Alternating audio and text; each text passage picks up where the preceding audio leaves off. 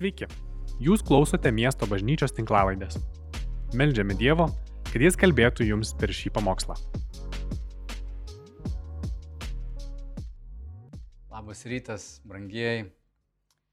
Šiandien tęsiam pamokslų ciklą Misija 24.7. Tai yra, kad kiekvienas iš mūsų turim misiją čia žemėje ir esame Kristaus pasiuntiniai e, skleisti jo žinę. Praeitą savaitę Džonas kalbėjo apie, apie tai, kad mūsų kultūroje, kurioje mes esame, labai yra propaguojama stipriai laisvės samprata, kuri atmeta ribas. Taip pat tapatybės klausimą, kur žmogui, jaunam galbūt žmogui labiau aktualu, aš taip įsivaizduoju tiems, kurie gimė nuo 90-ųjų metų, yra transliuojamas toks naratyvas, kad tu gali susikurti save, susikurti savo tapatybę, kas tu nori būti.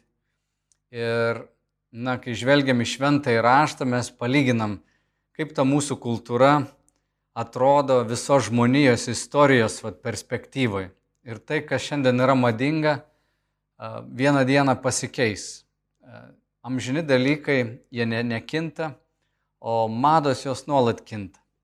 Bet žmogus, jo prigimtis yra kažkas, kas praktiškai visiškai nesikeičia ir mes galime mokytis iš istorijos.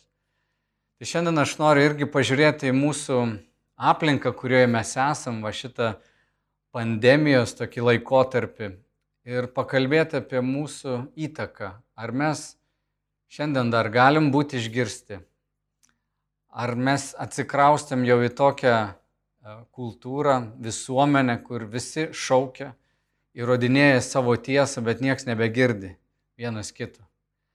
Kaip mums šiandien atnešti tą gerą žinę, kad Dievas yra mylintis, geras, teisingas, tobulas, šventas ir kad jo keliai yra geri. Papasakoti žmogui, kas yra Jėzus, tam, kuris šiandien apskritai net, netiki gal jokių dieviškumų, gal apskritai cinizmo apimtas, arba tokio naivaus optimizmo, kad vieną dieną šita planeta bus tokia utopiškai nuostabi ir turėsim absoliučią lygybę.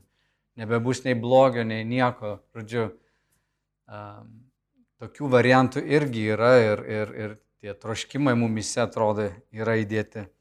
Bet šiandien va, esam aplinkoje, kuri, man atrodo, paveikia žmonės labai skirtingai.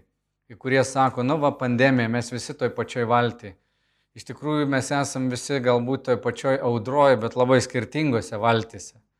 Vienas žmogus e, galbūt išgyvena tikras netektis, artimojo mirtis, jam net nedalyvaujant, anūkų gimimas, kurio jisai negalėjo stebėti iš arti, e, Velykos e, be anūkų ar be tėvų ir panašiai, išleistuvių nebuvimas, va šitie visi metai, jie tokie, na, daugiau nei metai jie kelia, man atrodo, tikrai kai kuriem daug tokio sielvarto ir liūdėsio, nes daug ką reikėjo prarasti. Kažkas prarado darbus, pajamas, net viltis sugriuvo. Savižudybių skaičius Lietuvoje, vėlgi žvelgiant į statistiką, mes užkopėme pačią pirmą vietą pasaulyje. Tai daug kas sako, bet naujienose mes šiandien dar to nematom. Iš kitos pusės, kai kurių žmonių verslai nesugriuvo, o padvigubėjo, tri, patrigubėjo, kai kuriem šitie metai buvo fantastiniai. Jie sako, aš suartėjau su savo šeima, esu daug arčiau savo vaikų, kažkaip viskas nurimo, niekur nekeliavom, bet buvom arti, pinigų yra daug. Aš tiesiog stebiuosi, kiti atrodo nuostabiai gyvena. Vilniui nekilnojamo turto kainos išaugo, pusė sandėrių sudarytų, žmonės perka būtus už grinus pinigus. Tai reiškia, kai kurie turi tiek daug atsidėję ir jiem, nu, puiku. Ir taip atrodytų, kad vieno valtelė beveik skęsta, vos nenuskendusi, kito valtelė pavirto jachtą ir jisai puikiai lėkia per, per, per pasaulį ir džiaugiasi viskuom. Bet vienus ir kitus turbūt, kas labai palėtė dabar toks didėjantis visuomenės pasipriešinimas, susipriešinimas um, ir nuomonių skirtumas. Aš net nustebęs, kad šiandien pokalbiuose atsiranda temos, kuriomis nebesinori kalbėti. Esi pavargęs, kartais nebesinori nieko įrodinėti ir tikrai ateina toks tarsi kas, kas čia vyksta, kaip, kaip čia toliau, kaip, kaip būtų galima toliau judėti. Ir man atrodo, ką mes patiriam dabar, tokia tikra na, atitrukimo ryšio stokos krizė. Žmonės, man atrodo, atitolsta labai stipriai. Mes buvom fiziškai priversti nutolti vienas nuo kito. Ir žinot, kas mums kaip bažnyčia dabar nauja tikrovė, jeigu pažvelgsi savo gyvenimą, na daugelis sako, kad per pandemiją išnyko visi pažįstami iš mūsų rato. Jeigu anksčiau buvo daug pažįstamų, jos sutikdavai teatre, bažnyčioje, na, neturėjai gilios draugystės, bet jie kažkur prapuolė, liko tik draugai. Pas kai kuriuos neliko nei šeimos, ten, nei, nei draugų. Taigi mes visi esam labai skirtingose tokiuose vietose. Ir klausimas, ką Dievas nori daryti mūsų tarpe. Ir kaip jis norėtų atnešti tą misijos, tą Kristaus žinę į, į, į mūsų šalį ir kaip mums tai daryti, nes ir patys esam labai stipriai paveikti. Tik vieną turiu tokį gilų įsitikinimą, kad žmogus priartėja prie Dievo, kai jam yra blogai. Gal kiti šiandien praturtėja ir jų gyvenimas taip ištobulėjo ir pagerėjo, kad jam Dievo dar mažiau reikia. Bet yra žmonių, kurie labai sudužė su nerime, kurie palaidojo gal artimuosius, išgyveno vat, visokias netektis ir, na, sužeistas žmogus, sielvartė, liudesi esantis žmogus, dažnai atsiveria Dievui, dažnai atsiveria kitiems žmonėms. Ir vat, netgi kančioj, kentėjime, liudesi ir sielvartė užgimsta patys gražiausi dalykai. Užgimsta ryšys. Ir šiandien, manau, mes turim galimybę stebėti, kaip va šitas alkis didėjančio tokio noro būti ryšyje su kažkuom, žinoti, kad aš esu mylimas, kad kažkam aš rūpiu, manau, kad jis pasidarė dar didesnis deficitas.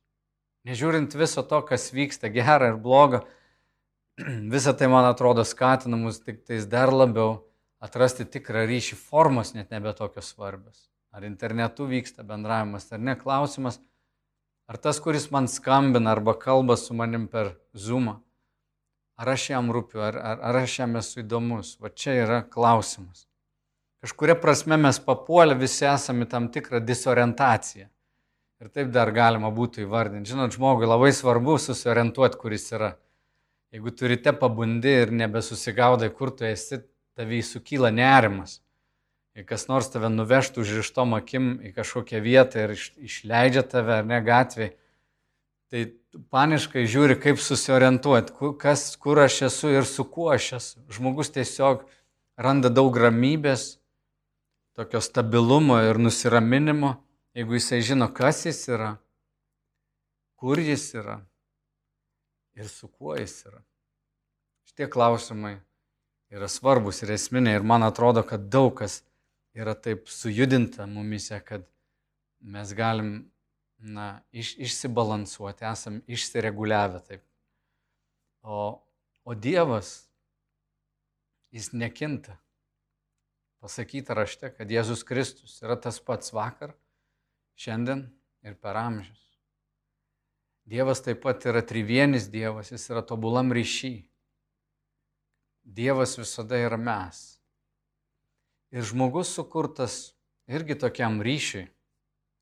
Vienas neuromokslininkas, Kurtas Thompsonas, sako, kad kiekvienas iš mūsų ateidamas į šį pasaulį ieško metų, kurie ieško mūsų. Tai yra kažkas turi mūsų laukti kas bus su mumis ir už mus ir nuoširdžiai norės mus pažinti. Va trejybėje mes turim tą pavyzdį, kad Dievas tėvas, sunus ir šventoji dvasia yra tarsi tokiam tobulam darniam šokyje vienas su kitu. Ir supranta vienas kitą, būdami vieną, mums protų sunku tai išnešti ar net taip suvokti. Bet Dievas sukūrė žmogų pagal savo atvaizdą ir pavydalą. Ir kažkuria prasme mes na, negalime egzistuoti patys atskirti nuo kitų. Mums reikia tos darnos to ryšio. Jeigu žiūrėsim į žmogaus vat, vystimasi, tai tikrai žinom, kaip dabar veikia vaikų smegenys, kaip jie kopijuoja tėvus, kaip jie ieško užmėgsti santyki ryšį su savo tėvais, su tais, kurie pasirūpins jais ir kas įvyksta per pirmus kelis mėnesius, metus, suformuoja praktiškai įprotį visam likusiam gyvenimui, kaip mes mesgam tą ryšį. Bet kai žvelgiam į žmoniją, ar ne, aš noriu šiandien taip peržvelgti truputį visą tokį Biblijos kertinius epizodus, kad pamatytum, kaip svarbu tas ryšys. Taigi pačioj pradžioje Dievas sukuria žmogų, duoda jam paliepimą prižiūrėti visą sodą, sukuria Domą ir Jėvą, duoda vieną jam nurodymą. Pasirinkimo laisvę, nevalgyti nuo vieno medžio. Nuo visų jie gali valgyti, bet nuo vieno sako nevalgykit nuo gėrio ir blogio pažinimo medžio, nes kai tik pavalgysit nuo jo, jūs mirsit, mirtimi mirsit. Ir taip atsitinka, kad jie yra sugundomi, jiems yra pasėjama bejonė, pasėjama sėklytė, kad ne viskas tvarkoja su Dievu, ne viskas tvarko jūsų santykiai. Ir atsiranda ar tai kažkoks įsiskaudinimas, abejonė, atsiranda netikėjimas Dievu ir jie pradeda mąstyti, palauk, gal mes galim pabandyti pavalgyti to vaisiaus ir iš tikrųjų patys tapsim kaip dievai. Ir čia pirmoji ta nuodėmė.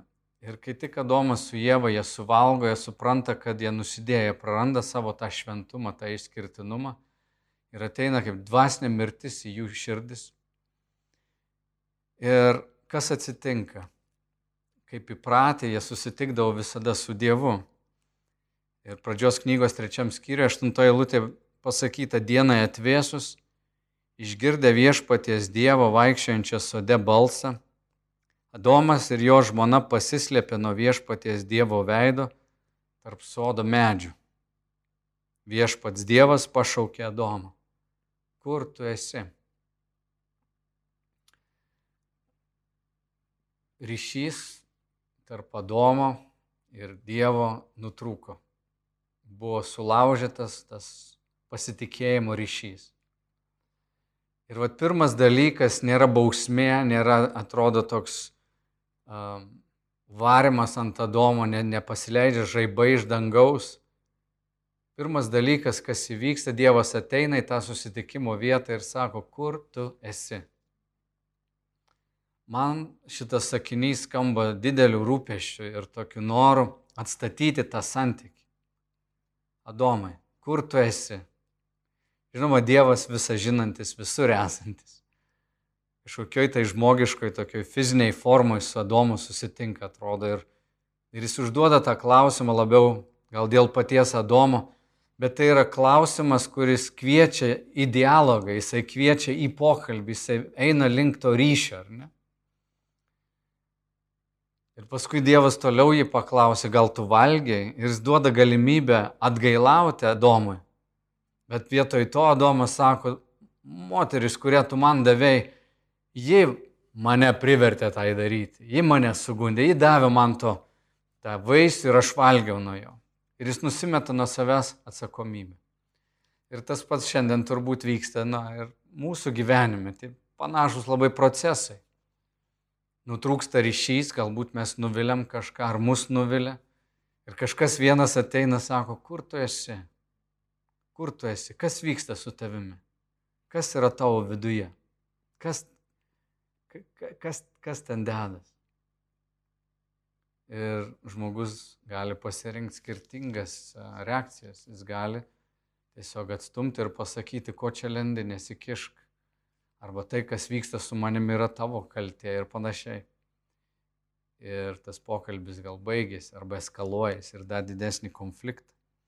Bet nuo pat pradžių mes matom Dievą per visą šventą įraštą, čia yra pradžios knyga, iki pat apreiškimo knygos pabaigos, per visą Bibliją mes matom Dievą besivėjantį žmogų, siekiantį atstatyti ryšį, užmėgsti tą draugystę vėl. Tokį veiksmą mes stebim Dievę. Kai Jėzus Kristus ateina apie jį, Jonas rašo taip. Jono Evangelijos pirmas skyrius. Jisai sako tokius žodžius. 14 eilutė. Ta žodis tapo kūnu ir gyveno tarp mūsų.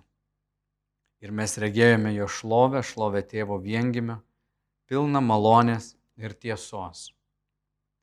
Jonas sako, kad žodis, kuris buvo nuo pat pradžio, per kurį viskas sukurta, per kurį visa atsirado, kas yra regima, visi šie pasauliai sukurti Dievo žodžiu. Ir Dievas, tas žodis, ta substancija, tapo kūnu. Ir gyveno tarp mūsų. Ir Jonas naudoja tą žodį sken, skenėjo, e, nu, graikų kalboje tas žodis reiškia kaip pasistatyti palapinę. Ir visi, kurie žydai na, skaitė, graikiškai mokantys žydai skaitė šitą tekstą, jie žinojo, kad palapinė, ta tabernakulis, e, susitikimo palapinė, skenė yra graikų kalboje tas žodis. Visi supranto tą patį veiksmą, kad per Jėzų Kristų Dievas atėjo, pats Dievas ir pasistatė palapinę mūsų kaiminystėje. Sakytum, Jėzus nusprendė dėl to, kad aš čia pasistačiau namą, jis nusprendė irgi čia statytis namą. Todėl, kad aš nusipirkau būtą tame daugiabutėje, jis nusprendė priešais mane pirkti būtą, kad galėtų šalia gyventi. Toks veiksmas. Ir tai nėra joks pasmerkimo veiksmas, jis neatsikrausia tam, kad knistų mums protą, kad gadintų gyvenimą. Jis atsikraustė tam, kad atstatytų šitą draugystę, tą santykį. Jėzus sako, aš atėjau gelbėti, aš atėjau gydyti tų, kurių širdis sužeistos, aš atėjau išvaduoti, aš atėjau padėti. Jis atsikraustė ir jis yra pilnas tiesos ir malonės. Jis kalba tiesą, jis žino mūsų sugėdimą, žino mūsų nuodėmingumą ir jo tai visiškai negazdina. Jis gali prieiti prie jo, prie žmogaus, kuris yra nuodėmingas, galbūt sergantis, užkrečiančia kažkokia lyga. Jėzus dėdavo rankas ant raupsuotų, būdavo prie moterų, su kuriomis niekas nenorėdavo bendrauti, būdavo su atskirtaisiais, bet jis atsikraustė jis pasistatė palapinę ten, kur yra žmonės. Ir ypač tie, vat, kurie kenčia, kurie išgyvena sunkumus. Tie, kurie yra teisūs ir sako, aš nesu vat kaip tas nusidėlis, aš esu geresnis už jį. Tai Jėzus sako, tokie žmonės nebus išteisinti, jie tiesiog patys savo faini, jiem nereikia jokios pagalbos. Bet aš atėjau pas tuos prislėgtuosius. Taigi Jėzus atsikraustė, kad būtų tarp mūsų, kad būtų su mumis. Ką tai reiškia mums, kai mes kalbam, at, kaip skelbti šiandien Evangeliją, kaip papasakoti savo pažįstamiems ar nepažįstamiems, kad Dievas yra geras. Kaip pasaulyje mes matom daug neteisybės, korupcijos ir a, tokio žmogiško sugėdimo. Netgi tie, kurie turėtų būti pilni meilės, atjautos, atrodo kartais yra pilni priešiškumų. Kai visi garsiai šaukia ir niekas nebegirdi, ką reikia daryti. Manau, kad pradžia turi tokius tris punktus pagalvojęs. Reiktų pradėti nuo savęs. Reiktų pradėti nuo savęs, nuo to, kaip Dievas atėjo į tavo gyvenimą. Kaip jis tave pasitiko. Grasindamas, smergdamas, ar su meile, su įsiklausimu, su atgaila, su kažkokiu sugraudinimu, kaip, kaip jis pas tave atėjo. Nes kartais, kai pamiršti, vat, kaip Dievas su manim pasielgia, labai lengva tapti fariziejum. Aš atsimenu, kažkada, na, buvau labai toks vienu metu pavirtęs labai teisiančiu žmogumi. Aš po seminarijos baigimo jaučiausi, kad aš tiek daug žinau ir graikų, ir hebrajų kalbas mokiausi, ir teologiją, taip įsitikinęs buvau, kad šita teologinė kryptis yra pati teisingiausia. Bet tada atjautos nėra. O kai patiri kažkokią žalą, kažkokia esi pats, na, išgyveni, va, netekti, pasidarai daug minkštesnis, pasidarai švelnesnis kitiems. Ir aš vat per šitą laikotarpį kažkaip stebėjau daug, kas vyksta irgi pasaulyje, klausiausi kai kurių pastorių. Ir suprantu, vat, kad tie susipriešinimai, kurie vyksta šiandien, kartais sunku gal net pačiam um, prieiti prie žmogaus, jeigu pats nesi kažko išgyvenęs, ne, tu pats na, jo nesupranti arba užmiršti, kaip Dievas su tavim pasielgia, tai labai lengva tada į kitus žiūrėti taip iš aukšto. Tikrai lengva užmiršti. Aš kartą vyrų mūsų bažnyčioje paklausiau, sakau, kodėl žmogus turėtų pas mus į bažnyčią ateiti.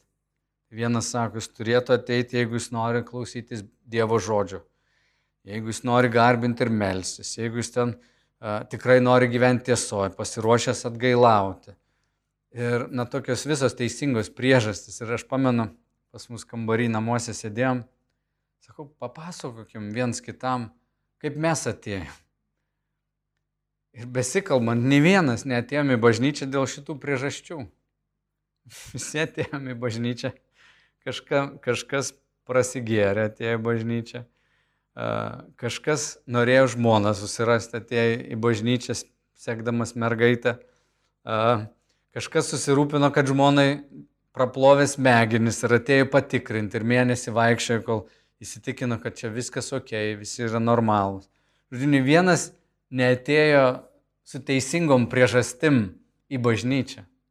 Ir galvoju, kas čia pasidarė, mes atėjom va tokie, o dabar iš kitų reikalausim, kad jie būtų va dar kitokie. Jeigu jie nori ateiti, tai jie turi būti tokie švarūs. Ir aš kartais kalbu apie tą palyginimą bendruomenės, kad yra tokia kokosiška bendruomenė, va tokia minkšta. Tai minkšta reikštų čia toks kaip metafora būtų, ar ne, kad valgyti e, kokosai ir persika yra skirtingi dalykai. Tai persikas va, yra minkštas. Jis turi viduje kauliuką, tai yra tokie įsitikinimai galbūt, kuo tu tiki, tau nereikia pakeisti, kuo tu tiki bet esi minkštas ir tai yra toks netvarkingas reikalas valgyti persiką. Jį beveik reiktų supjaustyti ir su šakutė valgyti, jeigu nenori apsi, apsipilti sultimis. Tai Jėzaus bendruomenė buvo tokia minkšta, jie buvo lengva dantis suleisti, ta prasme lengva kažkaip į ją patekti. Jėzus buvo nuolat tarp nusidėjėlių. Jisai sėdėdavo ir, ir, ir valgydavo nu, su bjauriausiai žmonėm. Išsirink šiandien, kas, ko tu labiausiai nemėgsti vat, mūsų visuomenė. Kas tau būtų bjauriausias toks žmogus, sakytum, va su šitą rasę, tai aš nebendrausiu. Tai žinok vieną, kad Jėzus būtent su tokiais sėdėdavo ir visi piktinosi juo. Kodėl jis eina su šitais bendrauti? Ir jis, Jėzus, jis atsikrausti gyventi tarp mūsų ir jis yra ir už tuos, ir už tuos. Ir mūsų protas neišneša, nes mes mastom, ne, ne, ne, negali būti, jeigu jisai yra už juos, tada jis yra prieš mus. Arba jeigu jis yra su mumis, tai jis tikrai yra prieš juos. Tai mūsų mąstymas. Jėzus buvo su tokiais keistuoliais, su atmestais. Tai jau va toks kaip persikas. Su fariziejų bendruomenė tokia kokosiška, kietai jie sunku patekti. Jėzus sakė, jūs tokie gražus iš išorės, jūs tokie teisūs, bet esat pilni numirėlių kaulų, ten viduje nieko tokio nėra, ten tas pienas toks nekoks ir tas riešutas visiškai ne kaip bounty, toks saldus ir geras. Ir tokia fariziejiška bendruomenė, jinai ir uždara, jinai reikalauja, kad būtum toks kaip mes, tada gali įeiti. Bet Jėzus atėjo ir laužė visus tos stereotipus. Tai šiandien aš galvoju, mums labai svarbu patiems pradėti nuo savęs, kaip aš atėjau pas Dievą. O antras dalykas yra susitapatinti su žmogumi susitapatinti su žmogumi. Kaip yra tas ryšys arba santykis mesgamas tai, kad žmogus jaučiasi, kad tu jį jauti, ar ne, jisai jaučiasi jaučiamas. Taip galim pasakyti. Lygiai taip pat vaikai vystas, jie, jie nori būti jaučiami, jie nori būti pastebėti, dar daugiau jie nori būti išgirsti, suprasti, priimti. Taip mes ateinam į šį pasaulį. Ir Klausimas yra, ar šalia tavęs esantis žmogus jisai jaučiasi gerai? Ar šalia tavęs esantis jaučiasi primtas? Ar jis jaučiasi jaučiamas? Ir tai labai svarbu. Žinai, jeigu nepatiri to skausmo, kaip minėjau, ar sielvarto, kartais sunku susitapatinti. Aš šiaip apie save niekada negalvoju, kad esu rasistas, ne, bet uh, ir nematydavau vat, rasizmo problemos, kol vieną kartą dirbdamas amerikiečių teatre, nu, tarptautinis teatras, bet mes Vokietijoje buvom ir atvykom į vieną organizaciją tenais darbuotis ir uh, į mokyklą. Ir kai sužinojo mokyklos direktorius, kad aš esu iš Lietuvos, iš buvusios tarybų sąjungos, jis atėjo tokį triukšmą pakėlę. Šalia manęs buvo amerikiečiai, aš anglų kalbą gerai mokėjau, mes atėjome mokyti apie darybę, bet anglų kalba ir tuo pačiu ir anglų kalbos vokiečius vakarų Vokietijoje. 96 metais ir aš labai atsimenu jo žodžius, jisai sako, kas pakvietė, kad lietuvis dabar čia mokytų vokiečius. Kad man tokių dalykų daugiau nebūtų. Užbaikit šitą dalį ir, ir lauk. Aš galvoju, palauk, kontraktas pasirašytas. Jo mokytojai suorganizavo visą šitą renginį. Tas žmogus nei manęs pažinojo, nei žinojo, kokios mano anglų kalbos uh, žinios, nei ar aš geras ar blogas, ar mano žinios geros ar blogos. Jis tiesiog išgirdo, kad ten komandoje yra lietuvis.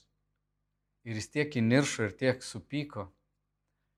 Ir kai pamatai, ką reiškia, kai tau užklijuoja etiketę ir tu žinai, esi vat, lietuvis ar nežinau, bet kokios tautybės, koks tu bebūtum, bet tau užklijuoja, tu esi vyras ar moteris.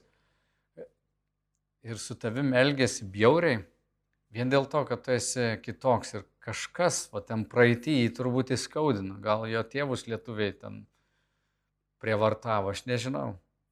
Aš nežinau, iš kur tai atėjo, aš tik įvardiju tai kaip didžiąją žmonijos nelaimę, kad mes visi esam sužeisti. Aš neturiu jokio pykčio tam žmogui, bet žinai, kaip pats pabūnė va tokioj, tokioj, tokio smurto va akivaizdoj, manęs nei, nei kalėjimą uždarė, nei, nei, nei ten rankų išsukinėjo kas vyksta pasaulyje.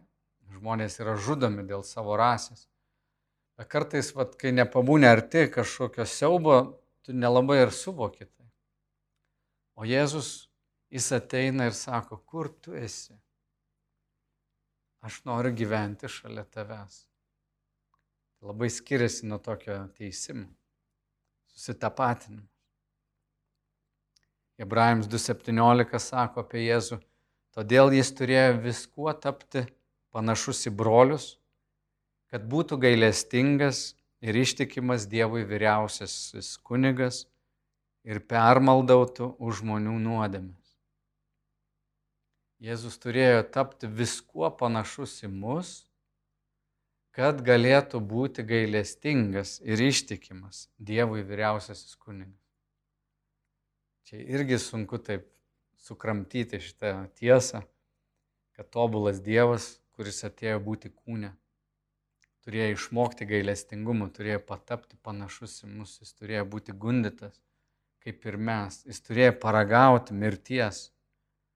Ir viską, ką tu ragauji, žinok, kad Jėzus paragavo išdavystės, kentėjimų, lygų, visus gundimus, atmetimus, ar ne, jis, jis tai išgyvena ir tą ryšio nutraukimą, kai jo draugai jį paliko.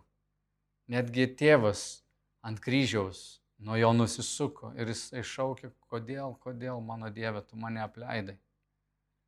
Mes matom tokį kenčiantį Jėzų, kuris eina į mirtį dėl mūsų, bet jis eina tam, kad galiausiai galėtumėm būti su juo ryšyje, kad galėtumėm įeiti į tą amžiną santyki kuris niekada nebebus nutrauktas nuo mūsų. Bet Jėzus pats turėjo visko paragauti, kad galėtų būti gailestingas, kad šiandien galėtų žiūrėti tavo kentėjimą, į tavo kažkokią neveltį, sielvartą, tavo gundimus, besikartojančias nuodėmes, už kurias tu jau esi pavargęs atgailauti ir atsiprašinėti.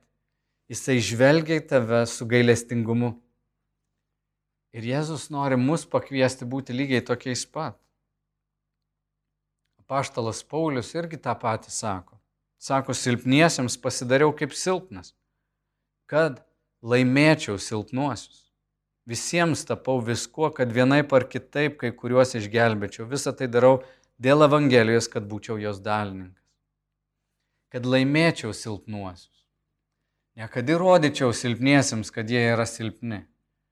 Ne kad įrodyčiau, jog aš esu teisus, o jie klysta, bet kad juos laimėčiau.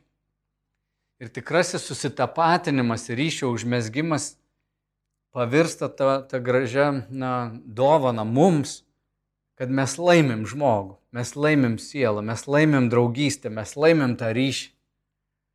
Visa kita, kas veda į susiskaldimą ir to ryšio nutrukimo, nėra gerai. Sakysi man, ar galim su visais taikoje gyventi? Na, tikrai ne. Nesakau, kad mes turim tiesų išsižadėti. Paštalas Paulius sako, kiek nuo jūsų priklauso, kiek įmanoma, kiek įmanoma, gyvenkit su visais taikoje. Bet krikščionybė labai įdomi, kad per daug amžių patirdama žalą savo, atsukdama žandą savo, laimėdavo didžiausias kovas. Aš pamenu pasakojimą apie Billy Grahamą, kai jis atvažiavo į Junktinę karalystę ir jį kaip į pasalą kokią įkišo į BBC studiją, žodžiu, nebuvo jis perspėtas apie klausimus, bet į diskusiją su ateistais. Ir ten bediskutuojant, jis visiškai pralaimėjo diskusiją arba tuos debatus.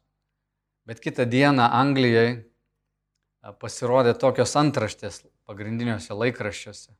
Bilis Grėmas pralaimėjo debatus, bet laimėjo visos Anglijos širdis. Jis buvo malonus, jis laimėjo jų širdis ne savo didžiuliai išmintimi. Tie žmonės, kurie ėmė iš šio interviu, buvo ir na, nesažiningi, ir žeminantis, ir pikti. Jis prisėmė kitokį kelią. Man tai atrodo yra na, geras kelias. Nes kartais gali laimėti debatą ir pralaimėti žmogų. Tarp kitko skaičiau vieną tyrimą, toks daktaras Vicas yra padaręs tyrimą visų garsiųjų ateistų. 80, per 80 procentų jų yra kilę iš krikščioniškų šeimų, kur nepatyrė meilės, nepatyrė ryšio, nebuvo reikalingi arba jie nerūpėjo. Ir tas pyktis, jisai, na, pavertė juos agresyviais, su įniršiu įsitusiais kovotojais prieš krikščionybę. Kartais tai nebuvo net intelektualinis debatas, kiek tai buvo toks psichologinis, emocinis skausmas, kurį žmonės norėjo išreikšti kovodami.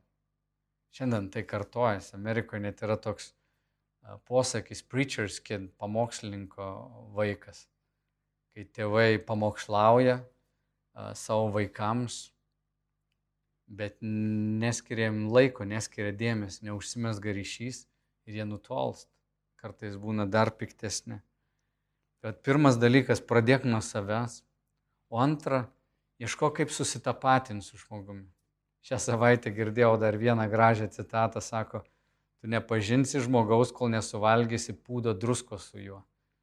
Na, tai yra 4-5 metus reiktų valgyti kartu su žmogum, kad jį pažintum. Čia sena lietuviška tokia na, patarlė ar, ar posakis. Iš tikrųjų, kartais, kai nueini ilgą kelią su žmogumi, tu jį pažįsti, užmesgi ryšį, čia prasideda gražus dalykai. Ir aš labiau gal tikiu tokiu būdu skelbti Dievo žodį, Evangeliją, kai mes užmesgam ryšį. Trečias dalykas yra papasakoti, tai yra palidėti link ryšio su Dievu atstatymu.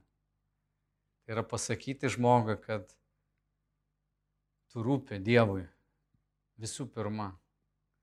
Niekada nežinosi tiek, kiek Dievas žino, jis tau neatsakys galbūt visų gyvenimo klausimų.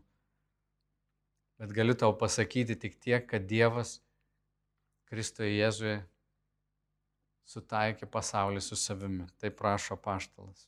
Tai Dievas Kristuje sutaikino su savimi pasaulį, nebeįskaitydama žmonėms jų nusikaltimų ir davė mums sutaikinimo žodį sutaikinimo žodį. Taigi mes esame Kristaus pasiuntiniai, tarsi pats Dievas prašytų per mus.